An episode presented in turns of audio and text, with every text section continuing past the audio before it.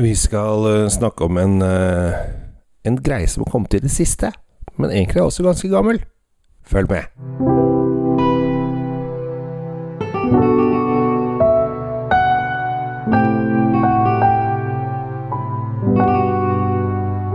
Hei og hjertelig velkommen til eh, Kjell Svinkjeller. Håper at stemningen er på topp nå som det blir lysere tider. Ja, nå snur det jo snart også. Eh, I hvert fall eh, når jeg prater om dette her, så eh, er det rett sånn det snur. Det er ikke mange ukene til uansett. I dag så skal jeg ta for meg en vin som kom fra Tyskland. Eller det gjør den egentlig ikke. Det er egentlig en pinot noir som hadde en genmutasjon en gang, og så ble den pinot blanc.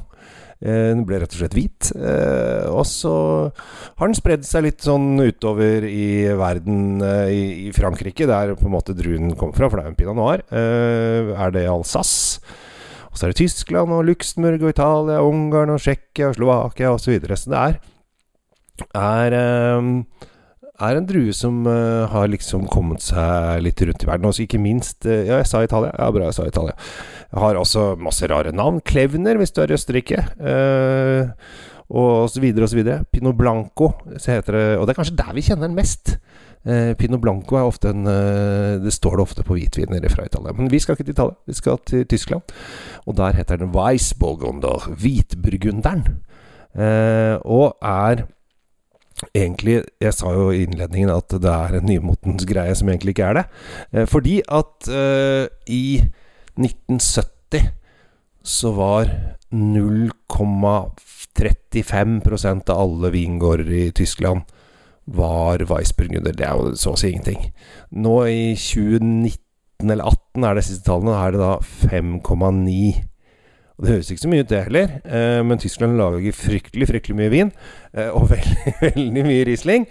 Eh, så det begynner å komme seg som en greie. Og i Tyskland, i motsetning til, til Italia, så lar de denne vinen eh, ligge litt på fat også, som gjør at den er en, en spennende greie, syns jeg.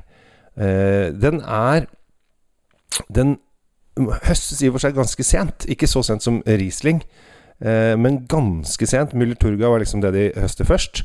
Og så høster de da ting etter hvert. Jeg, jeg må smake, jeg. Håper, det, jeg håper det er greit. Et øyeblikk.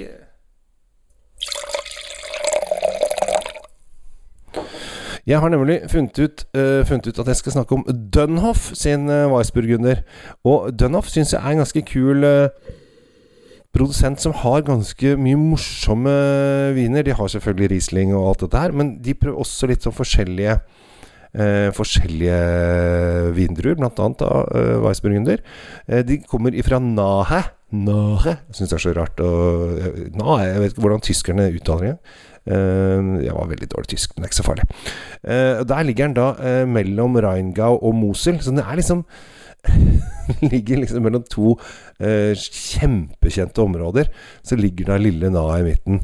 Eh, og da er det liksom glemt, eh, lett å glemme bort denne lille vinproduserende området. Og der er det Herman og sønnen Cornelius, som er eh, Ja, vel, er vel regnet som Altså, i Tyskland så er de faktisk sett på som ganske store produsenter. Det er liksom problemet med oss her hjemme i Norge. Eh, I hvert fall syns jeg det. Altså når jeg, jeg møter jo en del produsenter som kommer på besøk osv., men jeg aner jo ikke hvilken kjendisstatus og hvor store de er i hjemlandet. Det, der, det vet jeg ikke så mye om. Så jeg, så jeg kan liksom ikke rangere de ti mest kjente tyske produsentene sånn som tyskerne skulle Nei, det tror jeg ikke Det tror jeg ikke har, uh, har kjangs. Uh, jeg kan jo masse sånne fine navn da, som har liksom Som i hvert fall blir solgt inn av importørene som, som viktige navn. Uh, det kan jeg jo. Uh, men det er litt rart, det der. For at de blir jo Det er litt sånn som de blir, Noen vin, vinprodusenter blir sikkert kjendiser i Norge uten at de nødvendigvis er så høyt rangert og akseptert i hjemlandet. Kan jeg tenke meg. Liksom poppis i andre land. Uh, det er jo mange vinprodusenter som uh, lager da vin i hjemlandet, og så selger de kun til Norge. ikke til noen andre land.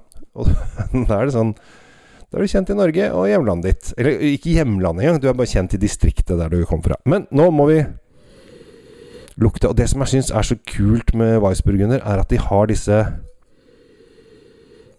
litt sånn hvit fersken Og kanskje duft av sånn Hint av litt sånn petroleum som, som Rieslingen her, men egentlig ikke så veldig mye. Bare sånn at jeg kjenner at det er noe sånn urtepreg baki her. Og jeg blir jo våt i munnen bare av å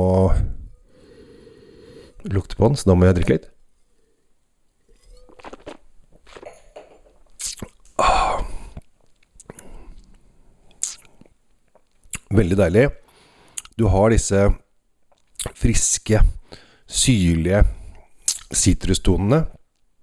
Og så har du litt Litt sånn eh, noe blomsterfeeling, men ikke så mye. Men, er det kjempefrisk og syrlig. Her er det lime og sitron som liksom danser rundt i munnen. Og her Denne kan brukes til å sitte på verandaen. Fisk, eh, lette kjøttretter, eh, ost, skalldyr osv. Altså, Det er ikke noe biffvin, det kan vi slå fast, men det har altfor mye syre. Men har en deilig Deilig friskhet med en sånn litt sånn grønn urtetone.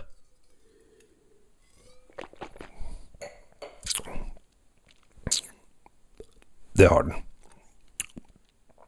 Deilig. Så grunnen til at jeg tar frem den her, er at jeg syns at vi har en del Nei, vi har ikke en del. Vi har noen Weissbegundere fra Tyskland på polet. Eh, og jeg syns det er litt viktig at vi ikke bare sitter og drikker Riesling. Eh, selv om Riesling kan være kjempegodt. Det er ikke det. Det er ikke noe sånn negativt om Riesling. Men det er så mange andre kule druer eh, i Tyskland. Og hvis du f.eks. blander Weissburgunder med Chardonnay, hvis du finner den miksen der som har Chardonnay og Weissburgunder, det synes jeg er nydelig. I hvert fall hvis det får ligge litt på fat. Men det er ikke denne her. Dette er da Dunhoff 100% Weissburgunder Trocken fra 2021. Koster 170 kroner, tror jeg. Sånn ish. Eh, eller 169,90 som det heter. Og dette her syns jeg er en frisk greie som eh, Ja, hadde jeg fått reker til denne her, hadde det vært helt konge. Og alt annet. Men også bare å ha den litt kald på verandaen i solnedgangen. Med litt godt selskap og en god prat. Ja, da er vi der. Tusen takk for at du lytter på disse podkastene mine. Hvis du ønsker, så holder jeg veldig mye vinkurs om dagen for uh, bedrifter, vennekretser og alt mulig sånn. Så er det bare å ta kontakt med meg på kjell.svinkjeller.no, eller bare gå på kjellsvinkjeller.no, så finner du kontaktinfo der. Uh, så kommer jeg gjerne og holder kurs for uh, de du har lyst til at jeg skal holde kurs for. Og til og med hvis du har funnet ut at nei, jeg har lyst til å dra på vinreise da er det bare å ta kontakt, så kan vi lage en vinreise for uh, gjengen din. Det hadde vært uh, utrolig hyggelig. Med det takker jeg for oppmerksomheten og ønsker deg en riktig fin sommerdag. Jeg heter Kjell Gabriel Henriks. Tusen takk for meg, og ha det bra.